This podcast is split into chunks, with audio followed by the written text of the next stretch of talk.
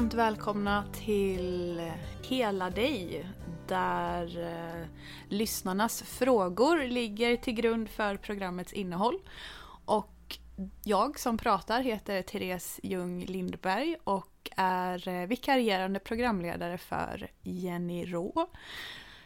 Och mitt emot mig sitter Helene Ljung, samtalsterapeut, coach, medium. Välkommen tillbaka! Tack så mycket Therese! Du är också min mamma, ska jag tillägga. Ja, det, det är jag ju. jag presenterar dig som eh, det i sista hand, för Ja. det är inte det vi ska prata om idag. Nej, det är det inte. Vi har fått en fråga, eller vi har fått ett kanske rop på hjälp. Okej.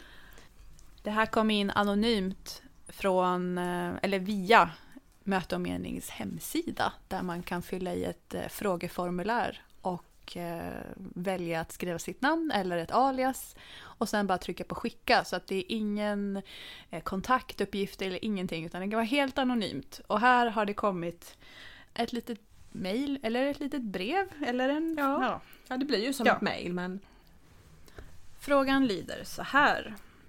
Jag är 34 år gammal, i en stabil relation sedan 11 år. Och i fyra år har vi försökt få barn. Nu är vi inne på sista IVF-försöket. Jag har panik. Det funkar inte. Jag är arg hela tiden och jag mår inte bra. Faktum är att jag aldrig har mått så här dåligt. Jag känner att jag inte orkar visa alla mina känslor för min partner, vilket leder till att jag också känner mig ensam. Jag är så besviken på livet just nu. Vad ska jag göra? Har ni några råd? mm. okej. En ganska omfattande fråga Mm. mm. och en väldigt tuff situation skulle jag vilja säga att den här kvinnan befinner sig i. Ja.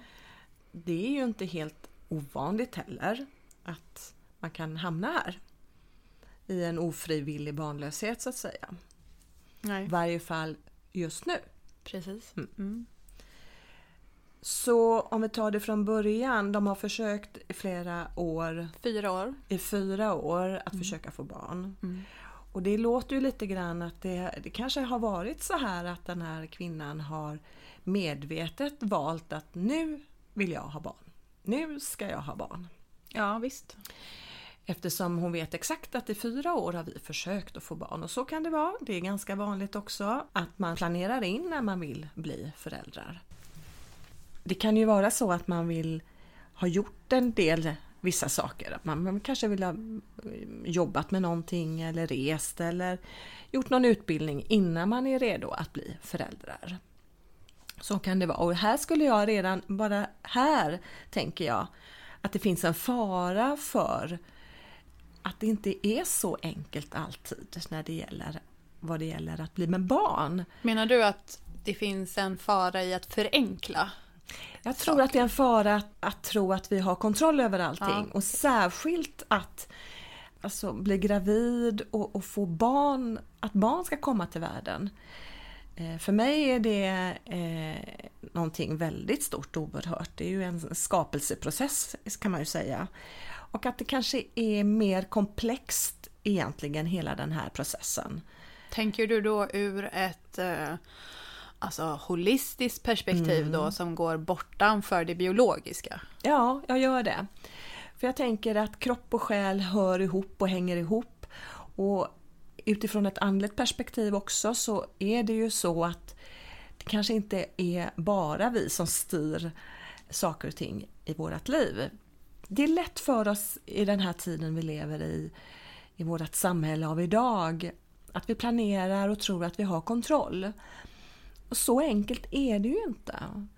Och kanske är det så också att när vi planerar någonting och det inte blir som vi har tänkt, vad händer med oss människor då? Det är ju en jätteutmaning och någonting man, jag tror man var mycket bättre på förr i tiden. Att kunna förlika sig med livet och omständigheter än vad vi gör idag. Så till att börja med där så tror jag just att planera saker och ting och särskilt då skulle jag vilja säga planera barn eller planera familj. Jag menar inte att vi inte ska göra det men det får vara med en väldigt stor portion ödmjukhet tänker jag. Att vi, vi måste ha den känslan och den tanken med oss att livet är så mycket större på så många sätt än att vi bara ska bestämma oss för att nu ska vi ha barn och så gör man allt för att få barn. Det blir mer en klinisk medicinsk process. Och jag tror ju inte att det är hela sanningen helt enkelt. Men om vi då, nytt liv ska komma till. Om vi återvänder då till den här frågan som är mm. att hon är arg hela tiden. Mm. Är, vad, vad, tycker du om det då? Alltså så här, hur, hur orkar man då gå igenom en sån här, alltså nu är det sista IVF-försöket här ja. skriver hon. Och hon har, det är panik och eh, hon är arg hela tiden. Mm. Hon har aldrig mått så här dåligt. Eh, och vad kan man göra när man mår så där dåligt och samtidigt ska eh, genomgå en hormonell ja. Eh, utredning kanske eller eh, mm. alltså en hormonell behandlingsprocess ja. är det ja. väl snarare. att Det är ju en extrem påfrestning för den här kvinnan att gå igenom det här. Och jag skulle vilja säga någonstans att nu har de försökt väldigt länge och det här gör ju någonting med henne. Eh, hennes självbild, hennes upplevelse av sig själv och hela livet naturligtvis. Precis som hon skriver in att hon är besviken på livet. Ja, det blir hon ju för att hon har ju förväntat sig någonting annat. Och det blir inte så som hon förväntar sig. Så hon får nu erfara någonting som inte hon vill eller har kanske tänkt att hon skulle få vara med om. Och så är det ju ibland, tyvärr för många av oss naturligtvis. Kanske inte alltid när det gäller barnalstrande på det sättet men men andra kan ju ha att göra med, med jobb eller eh, Precis. lägenhet ja, eller eh, visst. hitta en partner. Och hälsa skulle ja. jag vilja säga. Det är inte mm. alla människor som går omkring och är friska hela livet heller. Eller att man mister anhöriga, nära och kära som faller bort eller dör ifrån en. Det finns jättemycket utmaningar i att leva och vara i liv.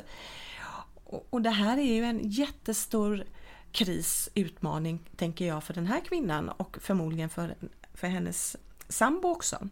Ja, för hon säger också här att hon inte orkar visa alla känslor för sin partner. Nej, och där blir jag lite fundersam. Det här är en jättestor process. Om hon inte orkar vara den hon är fullt ut, vara sig själv och, och, visa alla de känslor, vara i alla dessa känslor som hon förmodligen är i. Utan hon kanske kapslar in och håller tillbaka och döljer. Hmm. Var ska då känslorna ta vägen? Men tror du inte att det kan vara i sig ett sätt att orka då? att kapsla in känslan och att alltså det är lättare att vara arg än att vara ledsen. Det är ju lättare att vara besviken än att vara sorgsen för att på många sätt så är det ju också en sorgeprocess att ja, gå igenom det här. Det kan man säga att det här är en sorgeprocess. Och som i alla sorgeprocesser så finns det bara en väg igenom och det är via och genom känslorna. Nej, så jag tror inte på att man ska kapsla in och att orka det här, bara att säga så tänker jag, det gör ju någonting, eller hur? Då blir vi lite påminda här om vad är det här vad är det hon går igenom egentligen? Måste hon gå igenom den här IVFen just nu? Uppenbarligen är hon ju inte i form, hon mår inte bra, hon har panik, hon är besviken, alltså det är väldigt mycket negativt. Hon kanske inte alls är på ett ställe där hon egentligen är redo att bli gravid. Och samtidigt så får man ju också väga in då att hon är 34 år och de har försökt i fyra år. Och som kvinna så har man ju då ett visst antal år i den här luckan när man är fertil då. Så ja. jag tänker att det finns en tidsaspekt utöver de här känslorna som hon erfar just nu, att det finns en stress också. Ja, det är klart att det är. Och det blir en stress när man hela tiden räknar och, och tittar på vad tiden är slagen och hur gammal hon är och så vidare. och så vidare. Nu är det ju inte säkert att hon kanske skulle kunna bli mamma ända upp till 45 års ålder faktiskt. Uppenbarligen så gör de IVF-försök och det visar ju på att, att det finns en förhoppning om att kunna bli gravid. Okej, Men om vi då åsidosätter den här biologiska aspekten som handlar om eh, IVFen, vi sätter åt sidan den här eh, tidspressen som man kanske upplever som kvinna i sådana här situationer. Utifrån ett holistiskt sätt eller utifrån ett energimässigt sätt, kanske andlig aspekt. Vad kan vi ge för råd? Vad kan, vad kan vi... Alltså, ja, alltså jag, jag blir ju lite nyfiken på hur hon hanterar sig själv helt enkelt. Det, det, är nog där jag skulle vilja landa. Det kan ju vara så, jag, det vet vi inte av brevet. Vad jag blir lite intresserad av det är vad gör hon med sig och sina känslor? Går hon och samtalar med någon terapeut eller med någon kurator? Har hon en möjlighet till att jobba med sig själv och den situationen hon är i nu? Vi vet inte heller riktigt hur hennes liv tidigare har sett ut. Om det här är att det har varit mycket motgångar eller om hon har haft lite motgångar. Allt det här färgar oss, allt det här präglar oss som personer. Och jag tänker att det låter lite grann, nu vet inte jag, jag är ingen expert på IVF, men det låter som att det här är pressande, det här är stressande och det gör någonting med oss. Vad händer i kroppen då? Vad händer energimässigt när vi befinner oss i den här? Ja, stress är ju oerhört påfrestande. Eh, dels drar det ju igång rent biologiskt hormonella produktioner. Vi producerar alldeles för mycket kortisol, vi kanske får svårt att sova, vi kanske inte har samma aptit, vi tappar fokus, koncentration, vi kan bli irriterade, frustrerade på ett helt annat sätt. Vi tappar lite grann bort oss själva skulle jag vilja säga när vi är utsatta eh, för eh, för mycket stress.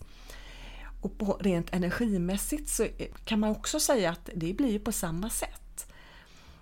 Jag hittar, jag är inte i balans. Jag är inte i kontakt med mig själv. Utan jag är kanske väldigt mycket uppe i huvudet. Jag tänker, analyserar. Och om jag då tänker och analyserar väldigt mycket men jag kan ändå inte fullt förstå då är det någonstans där hon är i sin utmaning. Hon skriver att hon har panik. Är det en kontrollförlust du tänker på? Då? Ja, panik handlar ju om att det, hon är ju rädd. Det är ju någonting väldigt obehagligt hela den här situationen. Så nu har hon panik. Och vad är det hon har panik för? Ja, det kan vara kontroll, att hon inte har kontroll. Det kan vara också att hennes bild av sig själv, alltså hennes självbild, gungar just nu. Och detta är ju en jättestor utmaning. Det är det för alla människor som hamnar i någon form av kristillstånd. Och jag skulle vilja säga att hon kanske är i en slags livskris just nu. Och då behöver hon i första hand faktiskt hjälp för att möta sig själv i denna situationen.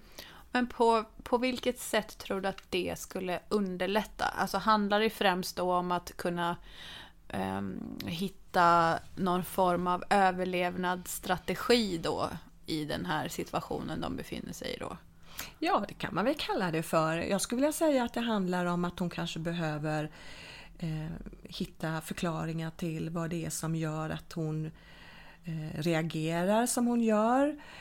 Om hon är bekväm överhuvudtaget, det vet vi ju inte om hon är bekväm med att vara sina känslor till exempel.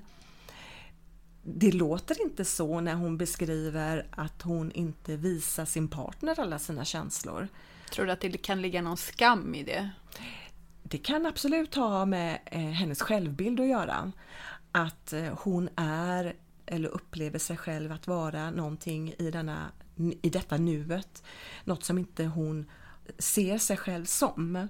Så det finns ett glapp mellan verkligheten, den realistiska självbilden och hennes självbild. För jag kan ju tänka mig att det ingår alltså, i den här typen av panik som, som finns, att det också finns en känsla av misslyckande i det. Ja. Och vad kan man göra åt det? Och det är ju det som är så sorgligt för att det kan ju vara så hon känner det. Att det är ett misslyckande. Det betyder ju inte att det är ett misslyckande. Hon har inte gjort något fel.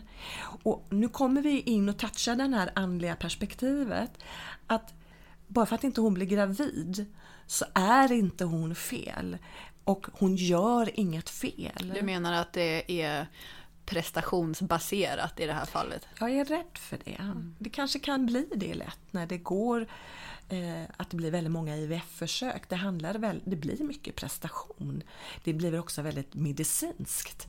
Och förut när jag har jobbat just i terapirummet med en liknande situation. I det fallet har vi haft fokus på att hitta tillbaka till kärleken.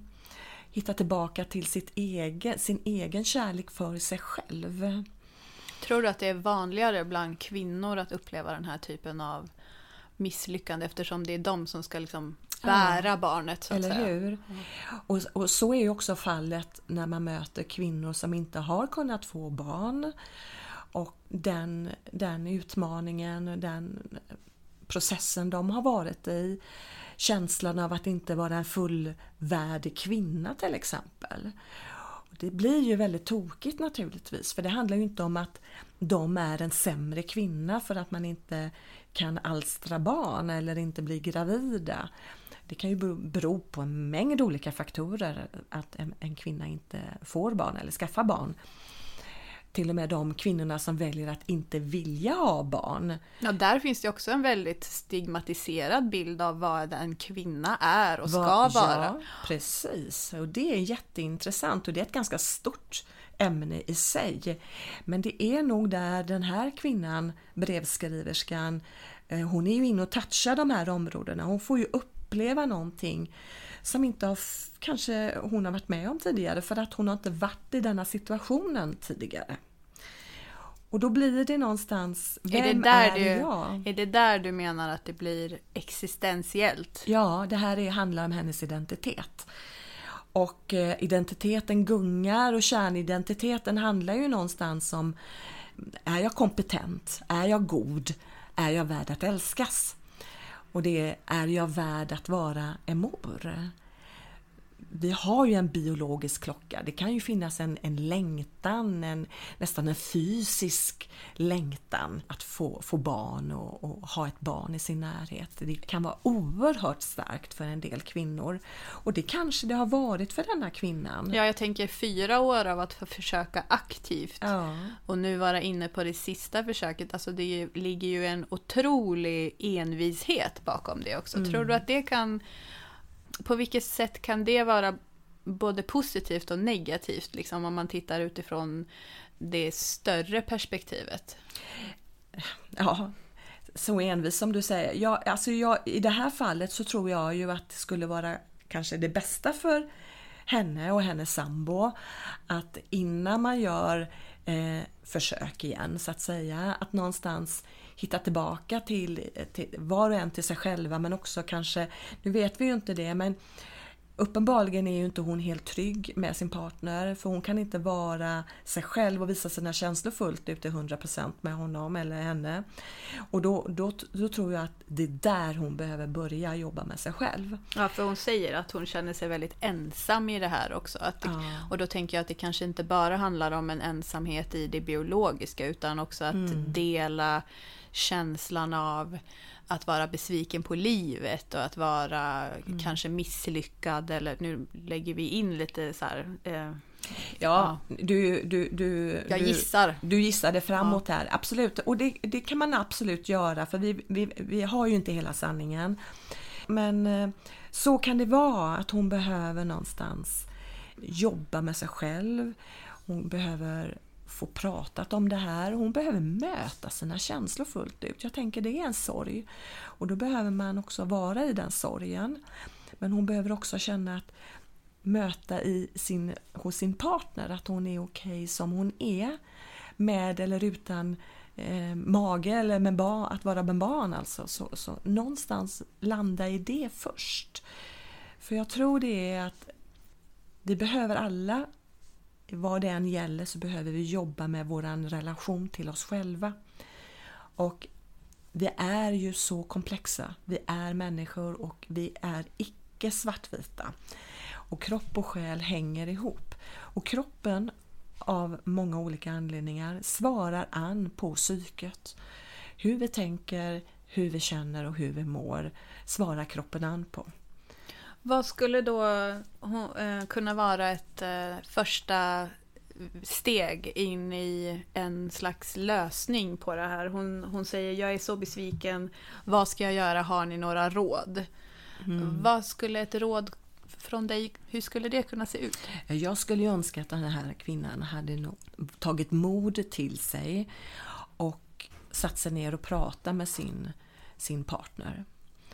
Eh, och våga vara sårbar med denna person. Säga vad tankar och, och även om det är massa skambelagda känslor och uppfattningar om sig själv och sätta ord på vad hon känner. Allting, alltså fint och fult ja, och ja, rädslor. Absolut. Och, och någonstans förhoppningsvis bli eh, bemött i det, mottagen i det och få landa i den, kanske en famn i det. För att förstå någonstans att hon är okej okay ändå. Tror du att det skulle kunna överbrygga den här känslan av ensamhet? Hon... Absolut. Hon måste ju börja där hon står. Hon måste börja med sig själv och i den relationen hon lever i. Om hon inte kan dela den här biten med sin partner, hur ska hon då kunna dela allt vad det innebär att bli mamma? För det är ju en jätteresa och en utmaning att få barn. Och är det någonting som utvecklar oss, är det någonting vi möter, även våra negativa sidor, så är det när vi blir mamma eh, eller pappa. Så är det. Så jag tror att hon behöver någonstans ta kontakt, kanske både också med sitt egna lilla barn i sig själv. Förstår du? Och då tänker jag symboliskt sina, sina sårbarheter, sina känslor, sin utsatthet, sin ensamhet, sina behov, sin längtan. Att lyssna på de sidorna och kanske inte vara så mycket uppe i det mentala. I tankar. prestationen, tänker du? Ja, prestationen behöver ju verkligen pausas nu. Och någonstans börja hitta en annan sida. Öppna nya dörrar i sig själv. Det tror jag är väldigt gott och det, det, behöver kanske hon hjälp med. Så. Ja, för jag tänker att fyra år av det här försökandet, mm. det måste ju sätta spår på psyket. Alltså det måste ju det sätta spår mentalt. Så är det ju. Alltså så det kan ju inte heller vara så enkelt att man bara vänder på klacken och testar någonting nytt. Så hur, hur kan man successivt liksom vänja sig in i ett nytt förhållningssätt till sig själv. Det är det hon behöver hjälp med och det är ingenting ja. man gör som du säger, bara vända på klacken eller en dag till en annan. Utan det här är ju en, en process och hon behöver hjälp med den och hon behöver kanske vidga sitt perspektiv på sig själv. Kanske till och med sitt perspektiv på att vara människa och på livet för övrigt också. Det här är ju en existentiell frågeställning mycket. Också en identitet fråga för henne. Vem är jag när jag är här och, och, upplever detta? Och det kan vara en jätteutmaning för en människa att, att någonstans vara tvungen att uppdatera sin självbild. Ja, för det är lite det det låter som, det här med att ha panik och vara besviken. Att mm. det är väldigt mycket som handlar om mm. att uh, inte få sin vilja igenom heller. Mm. Tror, hur, hur tror du det Ja, att inte ha kontroll här. Ja. Och jag tror väl att nutidsmänniskan är, har extremt mycket, vill gärna ha mycket kontroll. Och har möjligheter att faktiskt kunna kontrollera många saker. Men när det kommer till de här bitarna så har vi ingen kontroll. Så är ju det. Va? Är det då rimligt att alltså, börja tänka på att kanske leva utan barn? Eller hur ska man kunna hitta ett eh, långsiktigt hållbart eh, tankesätt kring den här frågan? Ja, det kanske är så att hon behöver, förutom att möta sig själv och tillåta sig att känna det hon känner i den här processen, också börja kanske acceptera, för det är egentligen det det handlar om, är att acceptera det är som det är. I varje fall just nu. I nuet. Ja. ja. För att vi vet ingenting om framtiden. Va?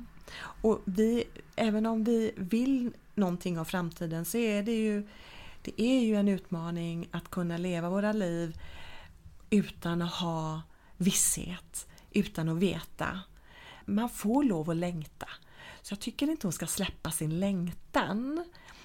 Men hon kanske ska släppa kontrollen och prestationen. Och vara okej okay med att ta en dag i taget. Tror du att det kan ja. vara nyckeln i det här? Att börja på där man börja gräva där hon står helt enkelt. Ja, börja gräva där hon mm. står och det är att möta sig själv. Och känna efter, hur mår jag egentligen och vad är det, vad är det jag behöver få uttryckt? Vad är det jag behöver just nu? Hon kanske hon känner sig ensam. Det jag tror, hennes första steg, det är att vad behöver hon göra för att inte känna sig så ensam? Hon är ju uppenbarligen inte ensam men ändå isolerar hon sig på något sätt. Här, va?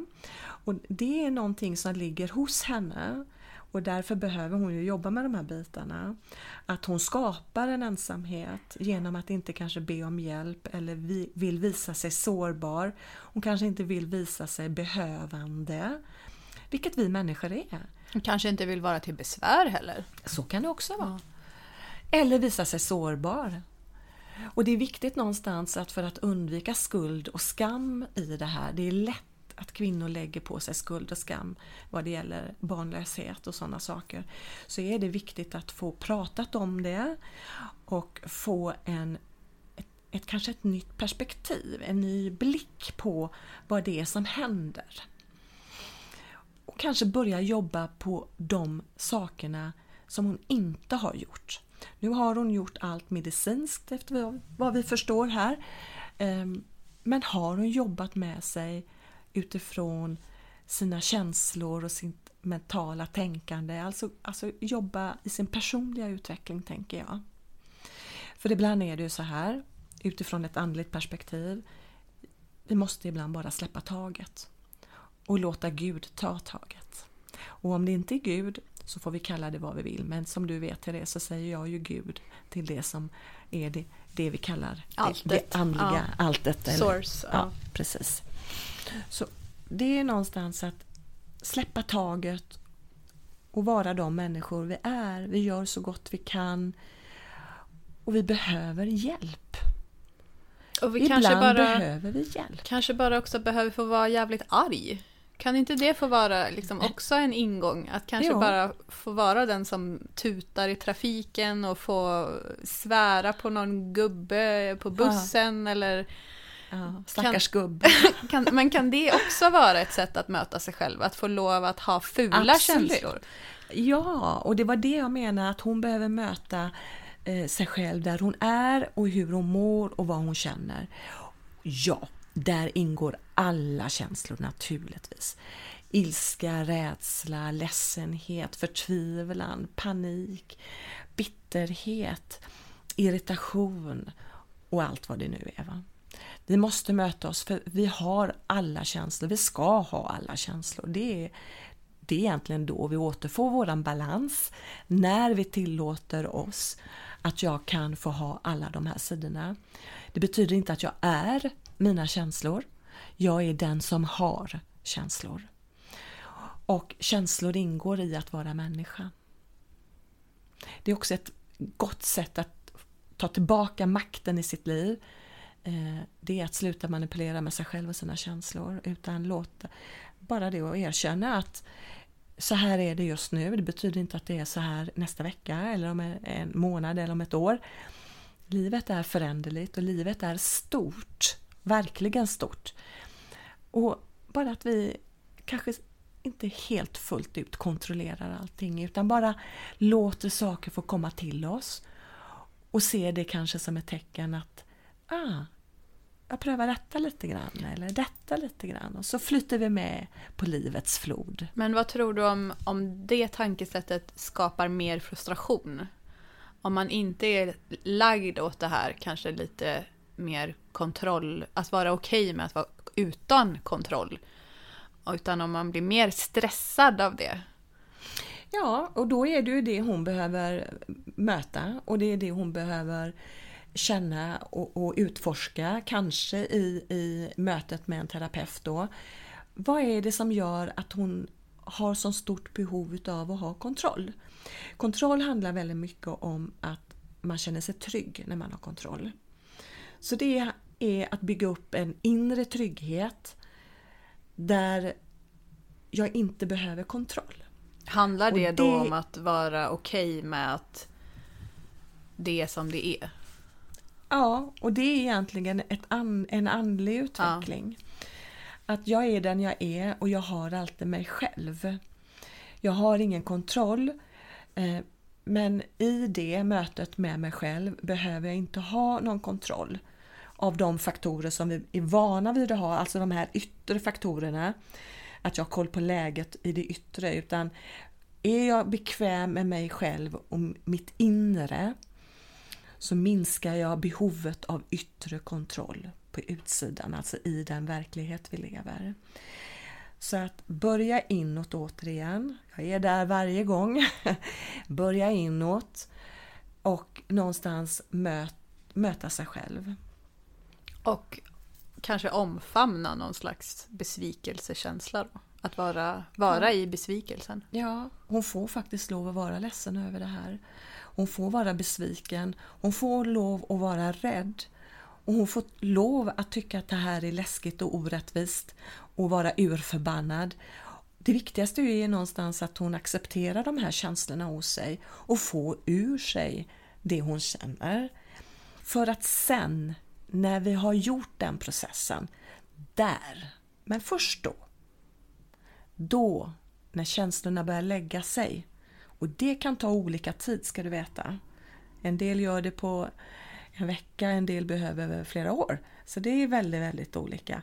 Så att därefter, då kanske vi kan börja mer och mer acceptera och förlika oss och landa i någon slags mm, mer harmoni med oss själva. Och är det också där då som man kan omprogrammera eller ställa om tankesättet då du tänker? Ja, det blir ju en, en ett skifte i tankesätt eh, när man jobbar med de här bitarna.